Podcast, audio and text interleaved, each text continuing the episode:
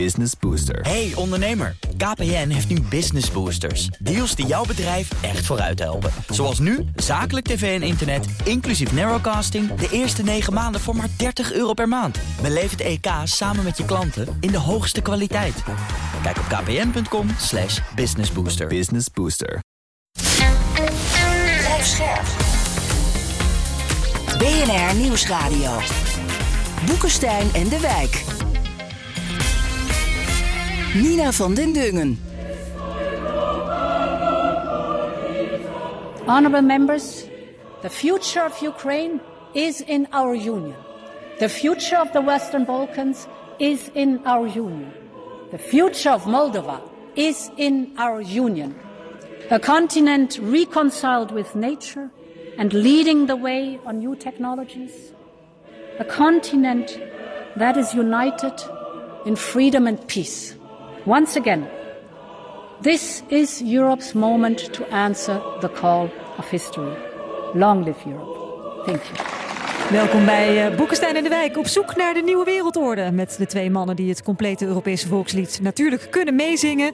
En onze gast ook, lijkt me Europarlementariër Bart Groothuis. Namens de VVD in de liberale Renew Europe fractie. Van harte welkom. Goedemiddag. Wie kent de Nederlandse tekst van het Europese volkslied? Nou, ik was op Lowlands eh, dit jaar met mijn vrouw. En daar speelt het Noord-Nederlands Orkest. En die deed het Beethovens 9. Tienduizenden jongeren zongen uit volle borst. Ja. In ieder geval de melodie. Het was te Alle gek. mensen werden broeder. Dat is toch mooi? Jij kan het wel. Ik kan het. De. Nederlandse ook?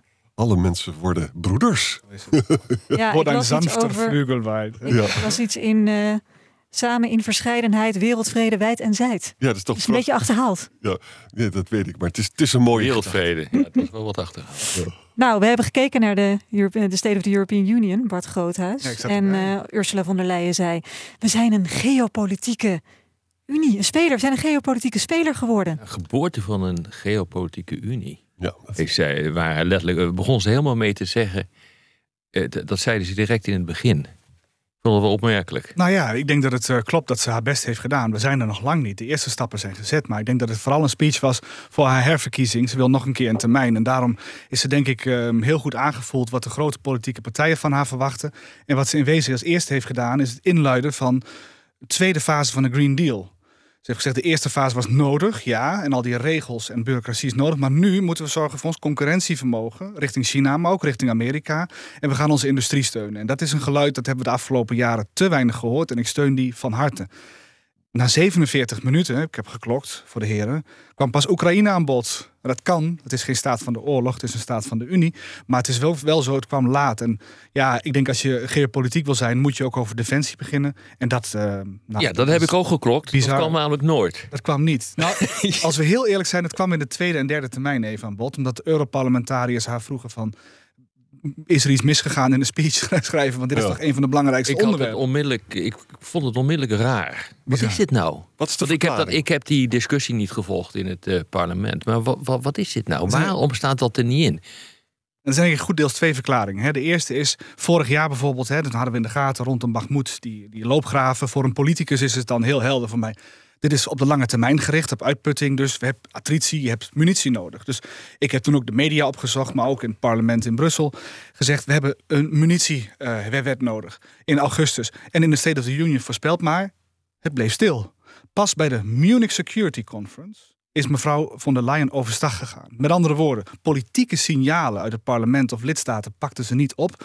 Pas nadat ze met experts sprak in München, kwam ze terug en zei ze: We hebben een wet nodig. En binnen no time was het er. En voor de zomer hebben we het afgerond. Mijn voorspelling is dat we nu, we, we weten allemaal wat, we nodig hebben: een lange termijn Defensie Act. Veel grotere Europese defensie, veel sterkere samenwerking en integratie. Dat moet komen, maar mijn voorspelling is dat komt na de volgende Munich Security Conference. Hoe zie jij dat erop? Ja, nee, ja. Ja, misschien. Maar ik vind het vreemd. Ik bedoel, je bent, eh, regeren is toch vooruitzien. Wat krijgen we nou? Ik bedoel, dit, dit moet je gewoon nu adresseren. Ik bedoel, ze hebben nu een probleem. Eh, je noemde net munitie terecht. Want daar lopen we enorm in achter, met name in Europa, maar ook in Amerika. Kan veel minder produceren dan er eh, nodig is. Maar, maar wil je nu in het kader van de collectieve verdediging van, van de NAVO. en het zenden van wapens naar Oekraïne iets betekenisvol doen, dan zul je gewoon moeten gaan sleutelen in Europe, eh, aan je Europese de, defensieindustrie.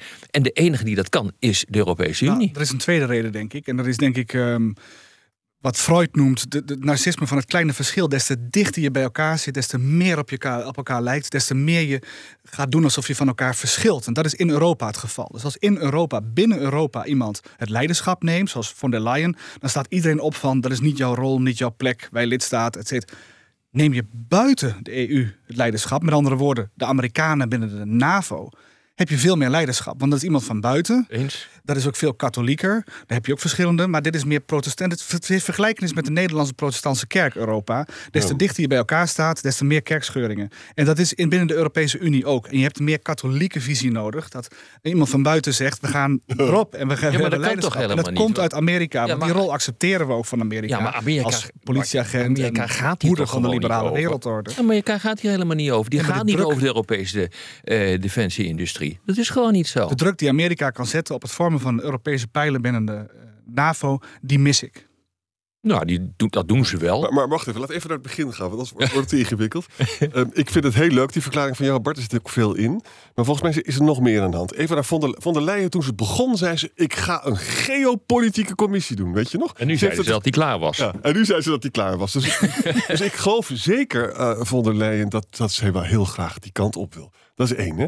Twee is, het is tegenwoordig zo, het is niet zo dat de NAVO in oorlog is met de Oekraïne. Het zijn de NAVO-lidstaten. Die vervolgens hun bonnetjes voor de wapenleveranties in Brussel indienen. Ja. Nou, je, kunt, je kunt een grote euroscepticus zijn, maar dat vinden Rob en ik zijn daar zeer van onder de indruk. Het is gewoon de bonnetjes lever je in in Brussel en daar worden ze dan betaald. Ja, en de NAVO houdt zich bezig, dat vergeten ook veel mensen, met Ja. het leveren van niet-letale steun. Precies. Ja, Dat is het fantastische. Ja. Dus de Europese Ja. Unie die speelt een belangrijke rol in Ja. het leveren van dodelijke steun. En de NAVO niet. En veel mensen realiseren zich dat niet. hè. Maar waar ik naartoe wil is het volgende. Met er gebeurt dus, ongel- dus heel veel om over op te scheppen eigenlijk. Hè? Ja. Nou, waarom is het nou niet in die speech gekomen?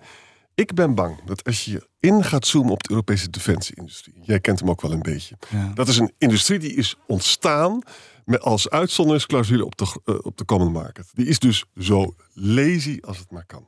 Die is dus volkomen nationaal. Kijk maar naar de Duitsers, kijk maar naar de Fransen. Kijk ook wel een beetje naar de Nederlanders, die er heel erg over mopperen natuurlijk. Hè?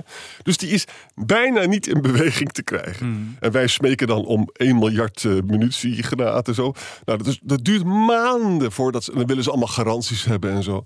Ik ben ontzettend bang, en ik weet niet of ik gelijk heb... dat dus die internationale kartels die er zijn... soms Frans-Duits, soms tegen elkaar in en zo... dat die gewoon vastzitten met elkaar. En dat de politiek het ook niet los krijgt. Ook het Europese parlement kan dat niet lostrekken. Nee, er zijn nu, kijk, kijk, we hebben de Europese vredesfaciliteit. Dat is gewoon aankoop van materieel richting Oekraïne. Ja. 7 miljard uitgegeven, moet echt verveelvoudigd worden. Heel goed. Tweede is een korte termijn instrument voor Ja. munitieproductie. Een miljoen shells, 155 mm.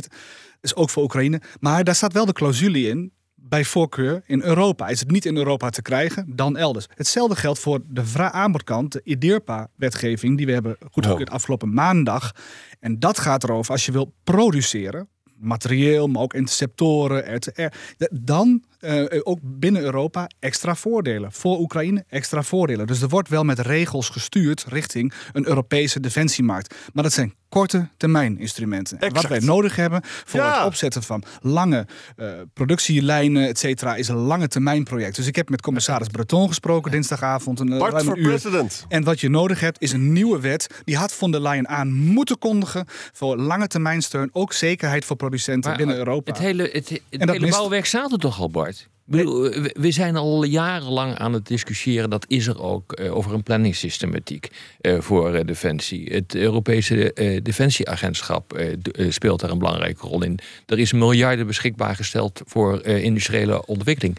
Waarom komt dat nu niet bij elkaar? En waarom, eh, ja, waarom gebeurt er de eigenlijk niks? lidstaten reageren lauw. Ja, ik denk dat dat, je- dat dat het probleem is. En, Ja, en waar- maar- hoe komt dat? Hoe komt dat? Kijk, we, we moeten even realiseren, wat, wat misschien de lidstaten ze niet realiseren. Eén is, Trump komt misschien aan de macht, gaan we het misschien nog even over hebben. Ja, het zeker. tweede is natuurlijk, eh, de Chinezen bereiden zich voor op een oorlog in, in Azië.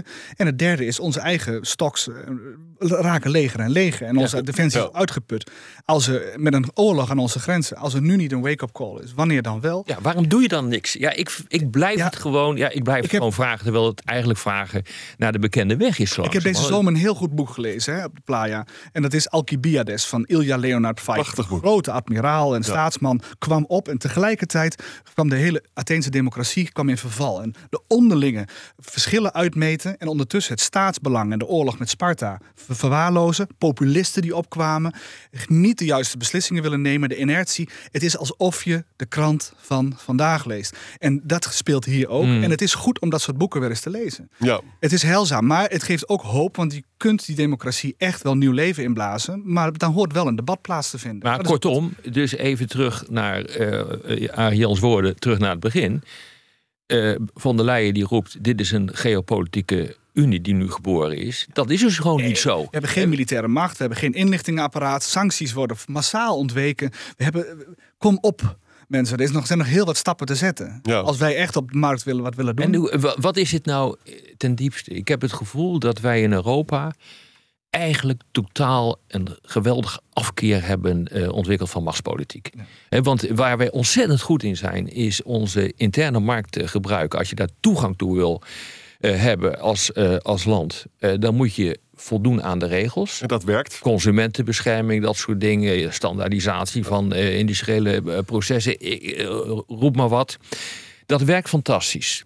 Maar op het moment dat je die instrumenten die je hebt, dus militaire macht, economische macht, dus sancties, offensief wil gaan aanwenden, wat dus niets met die interne markt te, te maken heeft, dan wordt het helemaal niks.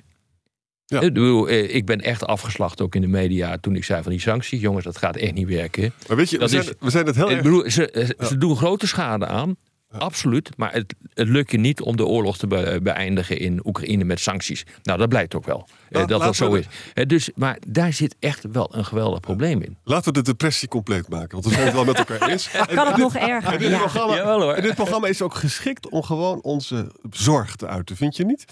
Wat, de Polen kijken hier ook naar. De Polen hebben, Sikorski zei woensdag van nou, wij gaan gewoon de grootste krijgsmacht van Europa maken. Dus de, de Polen gaan dus nationaal. Hè? Wat zien we dus? We zien aan de ene kant dus pacifisme. We zien eh, de onmogelijkheid om in machtspolitieke termen te denken. We zien dat Frankrijk aan het navelstaar heeft. Minder geld heeft. Ook minder geld is voor de Macron is wel wakker geworden hoor. Ja, zeker. Maar De afgelopen maanden. maar het gaat natuurlijk niet goed met de economische spankracht van Frankrijk. Het gaat trouwens verdorie ook niet goed met de, met de Duitse economie door die, door die Chinese auto's. En die gaan we er nu allemaal wel taxen, maar de, de, de, de surpluswaarde zit in China niet bij ons. Hè. Met andere woorden, wij gaan dat helemaal niet doen. 3% van het BNP als, als, als straks Trump wordt benoemd. Dat krijgen we gewoon niet door onze parlement heen. En dan denken we, nou dan moet Polen maar eh, Poetin tegenhouden. Dat is een beetje het verhaal. Europa gedijt goed bij crisis, hè, zou je kunnen zeggen. Alleen ik heb het dat we het doen voordat er een crisis komt. Want ik hoor jullie zeggen, er is geen eenheid. En daarmee bereik je dus ook niet zoveel. Ondertussen wil von der Leyen wel graag uitbreiden. Dat moeten we toch zeker ook even aanstippen. Maar eerst moet altijd dit even. BNR Nieuwsradio.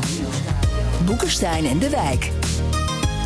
Op zoek naar de nieuwe wereldorde. Dit is Boekenstein in de Wijk. En het programma is natuurlijk helemaal niets zonder Arend-Jan Boekenstein en Rob de Wijk. Mijn naam is Nina van den Dungen. En onze gast is Bart Groothuis, VVD-Europarlementariër voor de Renew Europe-fractie. Laten we het eens gaan hebben over die uitbreiding. Je hoorde het ook aan het begin. Ehm, wat zei eh, von der Leyen? Eh, future is eh, Ukraine, future is Moldova, future is de Balkan.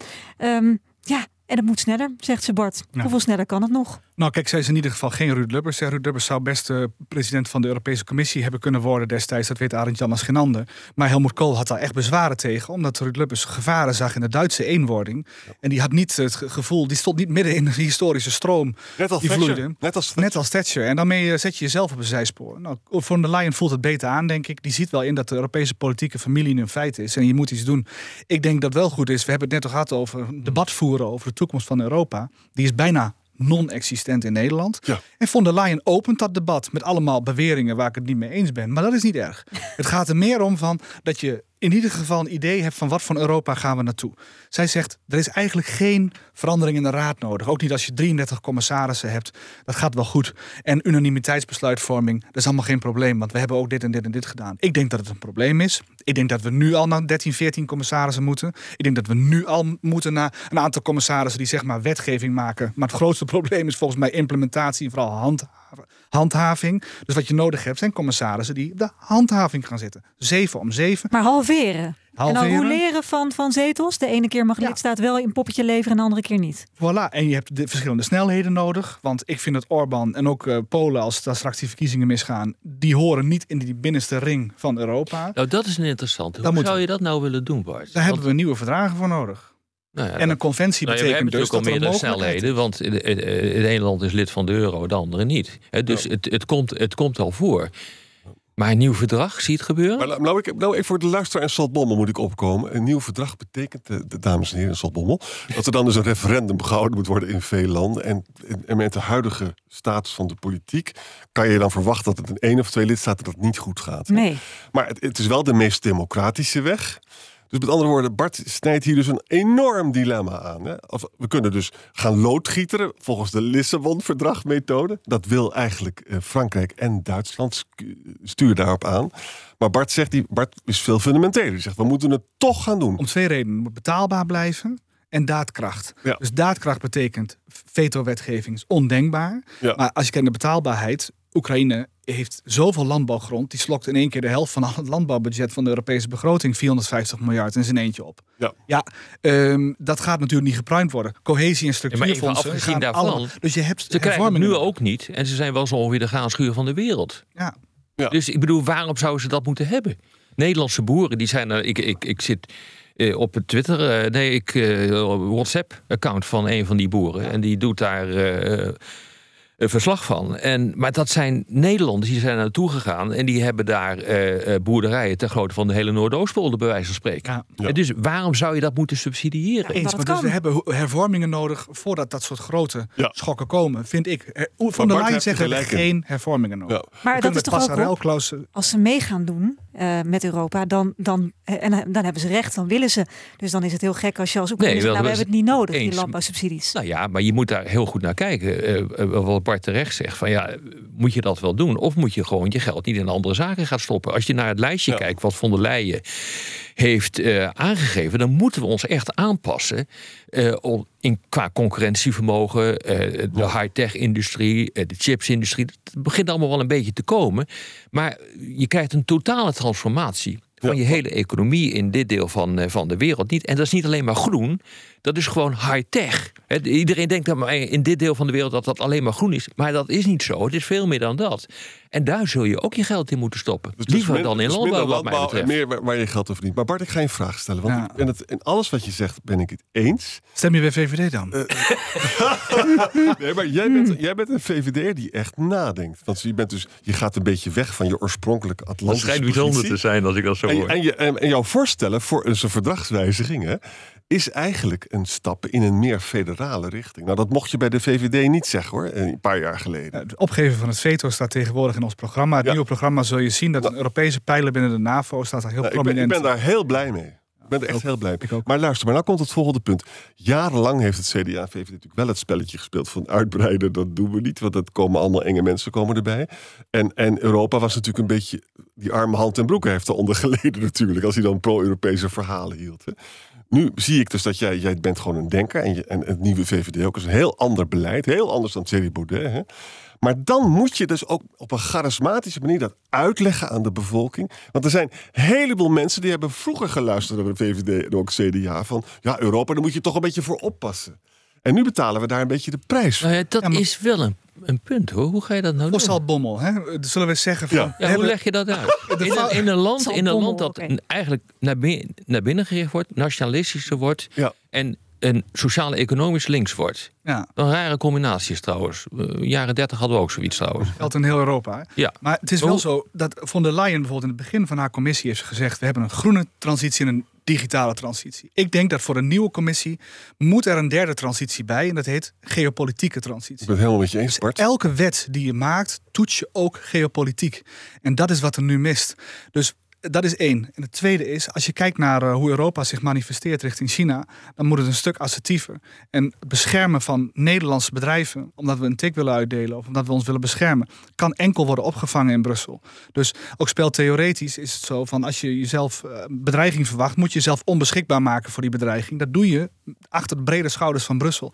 Dat is wat iedereen begrijpt. Wij hebben in 2018 um, een, een onderzoek gedaan, een kiezersonderzoek gedaan, voordat we het programma schreven beste verkiezingsprogramma ooit uh, voor de VVD. Na, uh, na 1984 zei Hans van Balen, want toen had hij hem geschreven. Maar we hebben een onderzoek gedaan via die nieuwe methode van Kahneman. Je hebt twee soorten hersenhelften. Eén is heel... Slow en thinking. En... Ja, eerst is vraag, wat wilt u dat Europa doet? Weet je wel, veiligheid, ja. veiligheid. En de andere is, doe je ogen dicht, welk beeld komt er in u op op het moment dat u aan Europa denkt? En de vier meest gegeven antwoorden in 2018 was één Poetin, twee Xi Jinping, Trump en Erdogan. Maar dat is nog steeds zo. En dat is nog steeds zo. En die mensen in Zalbommel die hun ogen dicht doen van waar denk je wat Europa voor ons moet doen, en ze doen hun ogen dicht, ze denken eraan, dan is het geopolitiek.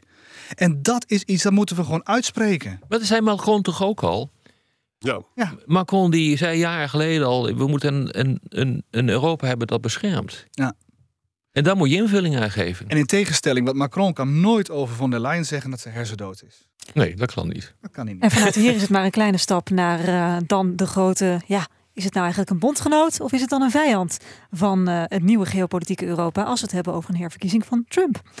Dat wilde jij graag even aanstippen, Arjan. Nou, kijk, weet je, de ellende is gewoon dit van. Uh, ik ben ontzettend bang als ik nou zie hoe Kevin McCarthy wordt ge gechanteerd. Hè. Hij kon dus alleen maar fractievoorzitter worden als hij bereid was om op te stappen als die, die, die lunatic fringe, die radical lunatic fringe hem niet meer moet. Dus dat, dat gaat gewoon mis. Nou, we zien nog steeds dat heel veel mensen Trump steunen. Gelukkig zie ik nu wel dat een aantal conservatieve legal scholars ook zeggen van ja, maar iemand die een opstand heeft aangezet, die kan toch eigenlijk geen uh, land leiden. Maar het is heel onzeker. En ik zou denken, nou, wij zijn Europeanen. Bart is een hele goede Europarlementariër. Denken staat ook niet stil bij hem. Kan je ook zien aan zijn hoofd. Zit heel veel hersens zitten erin, toch? Minder haar, maar heel veel hersens. Grass don't grow on busy roads.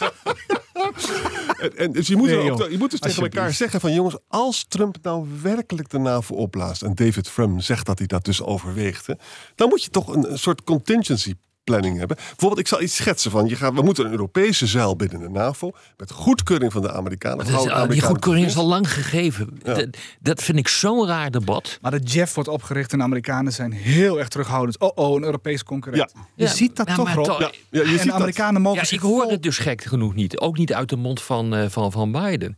Ik, het lijkt wel of dat een soort mythe is, dat die Amerikanen dat niet willen. En die Amerikanen kunnen zeggen van nee, je moet het toch doen. En vervolgens, vervolgens hoor je overal, nou de Amerikanen willen niet. Volgens mij is het gewoon een politieke argument om niks te doen. En wij hebben ons vervreemd van de Amerikanen in Libië toen na zes weken lang de, de, de, de missie moest worden overgenomen ja. door de Amerikanen. Er waren geen inlichtingen, geen command and control. Jullie ja. hebben het hier al vaak genoeg uitgelegd. Maar zo vervreemd je je als Europa ja. van de Amerikanen. Je krijgt een klus. Maar ja, kijk, als Trump wordt gekozen, Arend Jan, um, je weet wat er gaat gebeuren. Hij kan zich zomaar terugtrekken uit NAVO. Dat ja. zegt ook John Bolton, dat gaat hij doen. Ja. Hij zal de steun aan Oekraïne goed deels op, op laten drogen. Ja. En uh, vervolgens uh, zou er zomaar een conflict in Azië kunnen ontstaan. En dan staan we in ons hemd. Ik denk dat dat wel uitgangspunt moet zijn van denken en voor contingency. En ja, um, zullen we zeggen dat het nog niet breed gedeeld wordt. Maar dat is wel de analyse die je in je achterhoofd moet houden. En waarom zeg ik niet, als, als ik nou lid van een politieke partij ben of een Kamerlid. Wij moeten dus eigenlijk het defensiebudget nog verder verhogen. Omdat we gewoon in een heel moeilijk parket terecht Maar ja, je hebt gewoon geen tijd daarvoor. Ik bedoel, uh, vroeger in een grijs verleden ben ik zelf nog eens een keer uh, planner geweest. voor de toekomst bij Defensie. jaren. Ja. En ik kan je melden, dit, uh, nou, als ik er zo in zou schatten. En dan moeten we wel de dingen gaan doen waar we het eerder in dit programma over uh, hadden. Namelijk gewoon een keer vaart maken. Dan kost het nog tien jaar voordat je iets voor elkaar krijgt. Dus uh, dit gaat je gewoon niet lukken. Ik bedoel, je bent gewoon echt te laat. En dat moeten we nou eens een keer ons realiseren.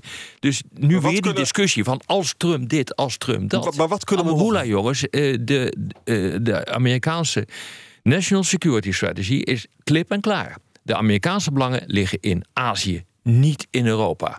Kijk, waar ze bipartisan het over eens zijn is China. Waar ze bipartisan het niet over eens zijn is uh, Oekraïne. Ja. Met deze zeer geruststellende noot gaan wij het radiogedeelte even afsluiten. kunnen wel uren Gelukkig. Ja, nou, gelukkig hebben we nog de podcast. Ja. Eh, dus vooral eventjes eh, daarvoor naar boekensteinendewijk.nl. Kun je gewoon doorluisteren. En dan gaan wij gewoon lekker nu naar de luisteraars vragen. We beginnen met Bas van der Laan. Moeten we niet breder denken dan alleen de EU? Ik zou graag een wereldwijde militair-industriële alliantie willen zien. Een soort NAVO, maar dan beperkt tot wapenleveranties. Daar zou je dan ook landen als Korea en Japan bij kunnen betrekken. Kijk, in de, in de Koude Oorlog had je de COCO, de Coordinating Committee. En daar zaten ook landen in Azië bij, Korea, Japan. En dat ging over wapenleveranties en militaire technologieleveranties aan de Sovjet, Sovjet-blok, zeg maar. Dat is opgeheven, vredesdividend kwam. Maar ik denk dat een COCO weer nieuw leven ingeblazen moet worden. En ik denk dat dat logischerwijs onder de G7 moet worden geplakt. Exact. En dat is echt wat er moet gebeuren. En dat zal ook eh ja, de komende Ik jaren denk dat dat wel gaat gebeuren hoor. Ja. En kan dat sneller dan bijvoorbeeld die Ja, je hoeft defensiebudgetten het kan het morgen besluiten. Dat is, dat is natuurlijk het hele punt met dit soort eh, discussies. Sneller dan het defensiebudget omhoog gaat, kun je dit regelen. Dit kun je gewoon, ja, als, je, als wij nu, eh, Bart en ik het erover eens zijn en wij zouden wat voor kunnen stellen op dit eh, gebied. En we zeggen, laten we dat gaan doen. En we brengen dat morgen in in de G7, dan gebeurt dat gewoon. En Biden wil wel. Of het dan wordt uitgevoerd, is een tweede. Hè? Ja, dan moet je van der Leyen hebben in München. Dan gaat er wat gebeuren, toch? In München gebeuren dingen. We gaan naar uh, Sjoerd Duiker. Wordt er ook gedacht aan een Europees mechanisme om landen die hun NAVO-afspraken niet nakomen, onder andere België en Spanje, daar financieel of anderszins voor te straffen? Dat is moeilijk, hè? ja, dat kan niet. Dat kan niet. Nou ja. En misschien ook contraproductief. Ik zou, ik zou wel willen dat er iets meer ehm, scrutiny op kwam. En ook publicitair. En ook wel een, ehm, rapportages van jullie voldoen niet en doe, voldoet er eens aan. Maar ik denk dat een tweede ding nodig is. Kijk, we hebben de traditionele militaire dreigingen. Maar er zijn heel veel nieuwe dreigingen bijgekomen. Voor die traditionele dreigingen hebben we die 2%-norm in Wales afgesproken, 2014. Maar voor nieuwe dreigingen hebben we ook een soort Wales-norm nodig. Dat gaat niet alleen over geld. Gaat ook over processen, ehm, sanctieregimes, middelen, juridische mogelijkheden. En heel veel landen moeten daar ook aan voldoen. Want die nieuwe dreigingen zijn net zo belangrijk. In de, zeker in een aanloop naar de oorlog. En in het conflict waar we nu mee bevinden met autoritaire regimes. Is dat gewoon net zo belangrijk. Sommige landen tellen dat al bij die 2%. Hè? Eh, Cybersecurity wordt dan gewoon bij die 2% eh, geteld. Ja. En daarvan zou ik zeggen van eh, doe dat er nou buiten. Het ministerie van Onderwijs en Binnenlandse Zaken kunnen ook dingen doen Ja. om die nieuwe dreigingen, Ja. zoals desinformatie, economische dwang, Ja. verkiezingen beïnvloeden, eh, spionage, sabotage. Het zijn allemaal andere ministeries dan Defensie die ook hun bijdrage moeten leveren Wel, in deze ja. tijd. Nou, ik denk dat je bijvoorbeeld heel anders moet gaan kijken naar de bescherming van de Noordzee. Je zal daar waarschijnlijk gewoon een, eh, een internationale voor moeten op, eh, oprichten. Ja. En niet de marines, die hebben wel wat anders eh, te doen. Hè? Eens. Dus met kleinere boten eh, zou je dat moeten, eh, moeten doen. Eens. Haalbaar? Wat? Haalbaar? Als je het morgen besluit, dan gebeurt het overmorgen. Dan kun je morgen, overmorgen de kuil gaan leggen, bij wijze van spreken. Mijn ervaring bij Defensie is als jij internationaal iets wil opzetten, dan kan het enkel als landen echt denken: ik heb hier ook hetzelfde grote belang als jij. En dan zijn landen heel bereid De om Noordzee samen is een waanzinnig eh, voorbeeld daarvan. Ik bedoel, dat wordt helemaal volgepland met allemaal kritische infrastructuur. Er liggen allemaal onderwaterkabels. We weten dat de Russen er al gezellig doorheen aan het varen zijn. Om een inventarisatie te maken van waar ze hun bommen moeten leggen, bij wijze van spreken. Eh, in Noorwegen heeft dit probleem, Engeland heeft dit probleem, Frankrijk, eh, eh, België, alles. Iedereen heeft dit probleem. Dus waarom ga je niet bij elkaar zitten en maak je niet gewoon een Europese kustwacht? Ga naar eh, Calculo Ergo Sum. Die vraagt: Nationale defensieindustrieën zijn vaak beschermd, maar ze nemen wel vast onderdelen van elkaar af. Hoe lopen die geldstromen, bruto en netto? Geen idee. Maar dat weet Bart vast wel. nationale defensie-industrieën. Ja, de nationale defensieindustrieën zijn vaak beschermd, maar ze nemen wel eh, vast onderdelen van elkaar af. Hoe lopen Ja, geldstromen, bruto en netto? ja, Hier gaat het vooral om van wie heeft eh, grote, grote, grote defensiebedrijven. Ja. En bijvoorbeeld Nederland kent veel midden- en kleinbedrijf. Dus midden, Nederlands midden- en kleinbedrijf levert heel veel aan hele grote operateurs. Bijvoorbeeld in Frankrijk, Duitsland, Italië, Spanje. En dat is het probleem. Ik denk dat we één ding moeten doen om dat te bevorderen. En dat is de exportvergunningen, de exportcontroles. Die moeten geëuropeaniseerd worden. We hebben Europees wapenbeleid. Er is een Europees wapenexportbeleid. Dat is acht beginselen zijn we allemaal over eens geworden. Die zijn heel streng. En desondanks wil eh, Nederland af en toe nog zelf eh, ja, controle uitoefenen op, op export van Thales of damen naar andere landen. Eh, In Frankrijk. Ja, ik, vind- ik vind dat niet, geen pas meer geven. Dat moet je Europeaniseren. Eén exportvergunning als je minder dan 20% van de hoofdsom hebt. Dat zou mijn regel zijn. Dan doet Frankrijk de exportvergunning. Anders heb, je vertrouwen dus- elkaar. anders heb je geen grote export en heb je geen economies of scale. Hè? Het probleem is alleen dat er heel veel linkse politici hier mordicus tegen zijn. Ja. Onbegrijpelijk. En nog een uh, vraag van dezelfde persoon. Voor welke wapens en onderleden is er geen Europees alternatief voor Amerika? Nee, uh, dat nee, Moeilijke bestaat vraag. niet. Nou, we hebben Als ik op het dit moment geen hypersone wapenprogramma. Er is geen enkel Europees land en we hebben een eh, PESCO-commissie. Ik heb daar diverse vragen over gesteld. Maar hypersone wapens die gaan dus sneller dan eh Mach 4. En die, gaan, eh, dus die zijn ook nog eens wendbaar en op hun doel geleidbaar. En met goed fatsoen kun je daar eigenlijk niet tegen verdedigen als die nog geavanceerder worden. En eh, dat programma ligt bij eh, Raytheon en dat ligt bij Northrop. Ja. Maar dat We is allemaal in de VS. Wij hebben dat niet. En ik denk ook wel... eh, En omgekeerd hebben wij ook niet in de aanbieding wat de Amerikanen nodig hebben. Nee. nee, de Amerikanen die zijn echt superieur. En ik zou de opvolger van de JSF over 30 jaar, dat moet een Europees vliegtuig worden. We hebben de kennis in huis. We kunnen het doen. Alleen, daar zit die defensieindustrie zit, zit weer te kloten. Nou, ik vind het wel mooi dat we nu zo'n 240 JSF straks hebben in volle vloot in Europa. Die kunnen Zeker. allemaal interoperationeel met elkaar. Samen met de Amerikanen kunnen we hier Zeker. luchtruim veilig houden. En we moeten niet onderschatten hoe belangrijk dat Amerikaans materieel is en blijft Nee, voor maar dat ons. is ook zo. Dat is Ik ben ook zo. groot voorstander van om ons niet te ontkoppelen van de Amerikanen. Ik ben transatlanticus. We zijn voor hun de grootste veiligheidsgarantie blijft de Amerikanen. Nou ja, behalve dus als Trump aan de macht komt. Ja. Nou ja, dat is natuurlijk wel een punt. Hij hoeft niet eens de NAVO op te blazen. Hè. Dat wordt iedere keer maar gedacht. Maar hij is opperbevelhebber van eh, de strijdkrachten van Amerika. Hij hoeft ze gewoon niet in te zetten. Dat, is ook het einde van de NAVO. Dan bestaat die, eh, want ik denk dat het opheffen van de NAVO lastig is, want dat ligt vast in een verdrag. Eh, dat is geratificeerd door het, door het Amerikaanse huis. Ehm, alles, ook de Senaat. Dus dat, dat kan je niet makkelijk kan je daar, eh, daar vanaf. Maar ik bedoel, een president hoeft gewoon te zeggen van oké, ga niet. Ja, en dan zijn we screwed met z'n allen. Ja, en ik wil ook wel wat verdienen in Europa aan die, al die dingen. En Ja, we kunnen heel goed een Europees gevechtsvliegtuig ontwikkelen op langere termijn. Dat helemaal interoperabel is met de Amerikanen. Dat Ja, moet kunnen. Een lange termijn, hè? Dan praten we gewoon Nou, over maar 20, ik 30 heb jaar hoor. Een enorme discussie gehad afgelopen week in Straatsburg. We hebben dan de Critical Raw Materials Act, zeldzame aardmaterialen. En ik zeg, je moet daar bijvoorbeeld nitrocellulose of gunpowder, kruid, buskruid, in 90% in handen van de Chinezen. Hoort in die wet. En Ja. de commissie zegt, ja, hebben we eigenlijk niet zo aan gedacht. Geopolitieke commissie, Ja, ja, zeg ja. maar, we zijn nu te laat. Dan zeg ik, kom met een nieuwe wet. Dat we die supply chain van, van poeder, bus, kruid, dat we dat terug in, in, in ieder geval in westerse handen krijgen. Dat we samen met de Canadezen, de Amerikanen dat weer doen. Ja, ik mis het hoor. Dus geopolitiek denken mag nog wel een eh, schopje hier en daar gebruiken, Zeker. zeg maar. Zeker. Ik heb nog een eh, laatste vraag over de Europese samenwerking op het gebied van defensie van Joachim. Kunnen landen als Duitsland, Frankrijk, het Verenigd Koninkrijk en Zweden een voortrekkersrol spelen zonder een sterke focus te leggen op hun eigen militaire industriële productie ten koste van andere lidstaten? Dat doen ze al, volgens mij. Ja, dat, dat, dat volgens mij gebeurt het al. Kijk, het, eh, de- het is dus niet zo dat je te kus en te keur kunt gaan winkelen in Europa. Dat is niet zo. Er zijn een paar werven, er zijn eh, een paar vliegtuigbouwers. Het is, Maar we gaan nu meer uitgeven. Ik denk Ja. dat we meer moeten investeren in Europese defensiematerieel en eh, productie. Ik ben het daar wel met eens met Arend Jan. Het kan niet zo zijn dat we dan eh, volledig Amerikaanse en Israëlische industrie gaan bevorderen. We moeten hier zelf ook autonoom Ja, dingen kunnen produceren. Munitie zie je nu. Dat, eh, nee, ik vind echt dat we daar ook eh, een goede stap hebben gezet met regels. Van je, je besteedt bij voorkeur Europees. Waar het niet kan, gaan we met plezier en graag te kopen van geweldig materiaal uit Ja. Amerika. En ik wil graag concurrentie ook hebben natuurlijk. Hè? Ja. Als de Amerikanen betere dingen maken omdat wij eh, lui zijn. Ja, ja, dan, voilà. Ja, voilà. Maar welke landen zijn nu in Europa het sterkst qua industriële productie op, op? Duitsland, eh, Zweden, Finland doet eh, behoorlijk wat. Engeland. En de. Britten. Fincantieri. En Spanje doet wat. Nederland doet ook het een en ander, maar dat is veel meer kleinschalig. Ja. Maar het zijn niche-capaciteiten. Dus nou, overal zit wel wat. In principe moeten we dit gewoon wel kunnen rooien. Op een aantal bijzondere technologieën kunnen we dat niet. Maar dat heeft ook weer alles te maken met wat Van der Leyen in de speech heeft gezet. Namelijk dat je gewoon ongelooflijk moet inzetten op die high-tech revolutie ook in Europa. Ik had een Amerikaanse generaal, hè, recent in Brussel, Rob. En die zegt tegen mij, weet je, het is niet zo dat, dat als het gaat om autonome wapens en kunstmatige intelligentie... Ik heb niet eens meer een gesprekspartner in Europa. Niet eens met de Britten, niet eens met Klopt. de Fransen.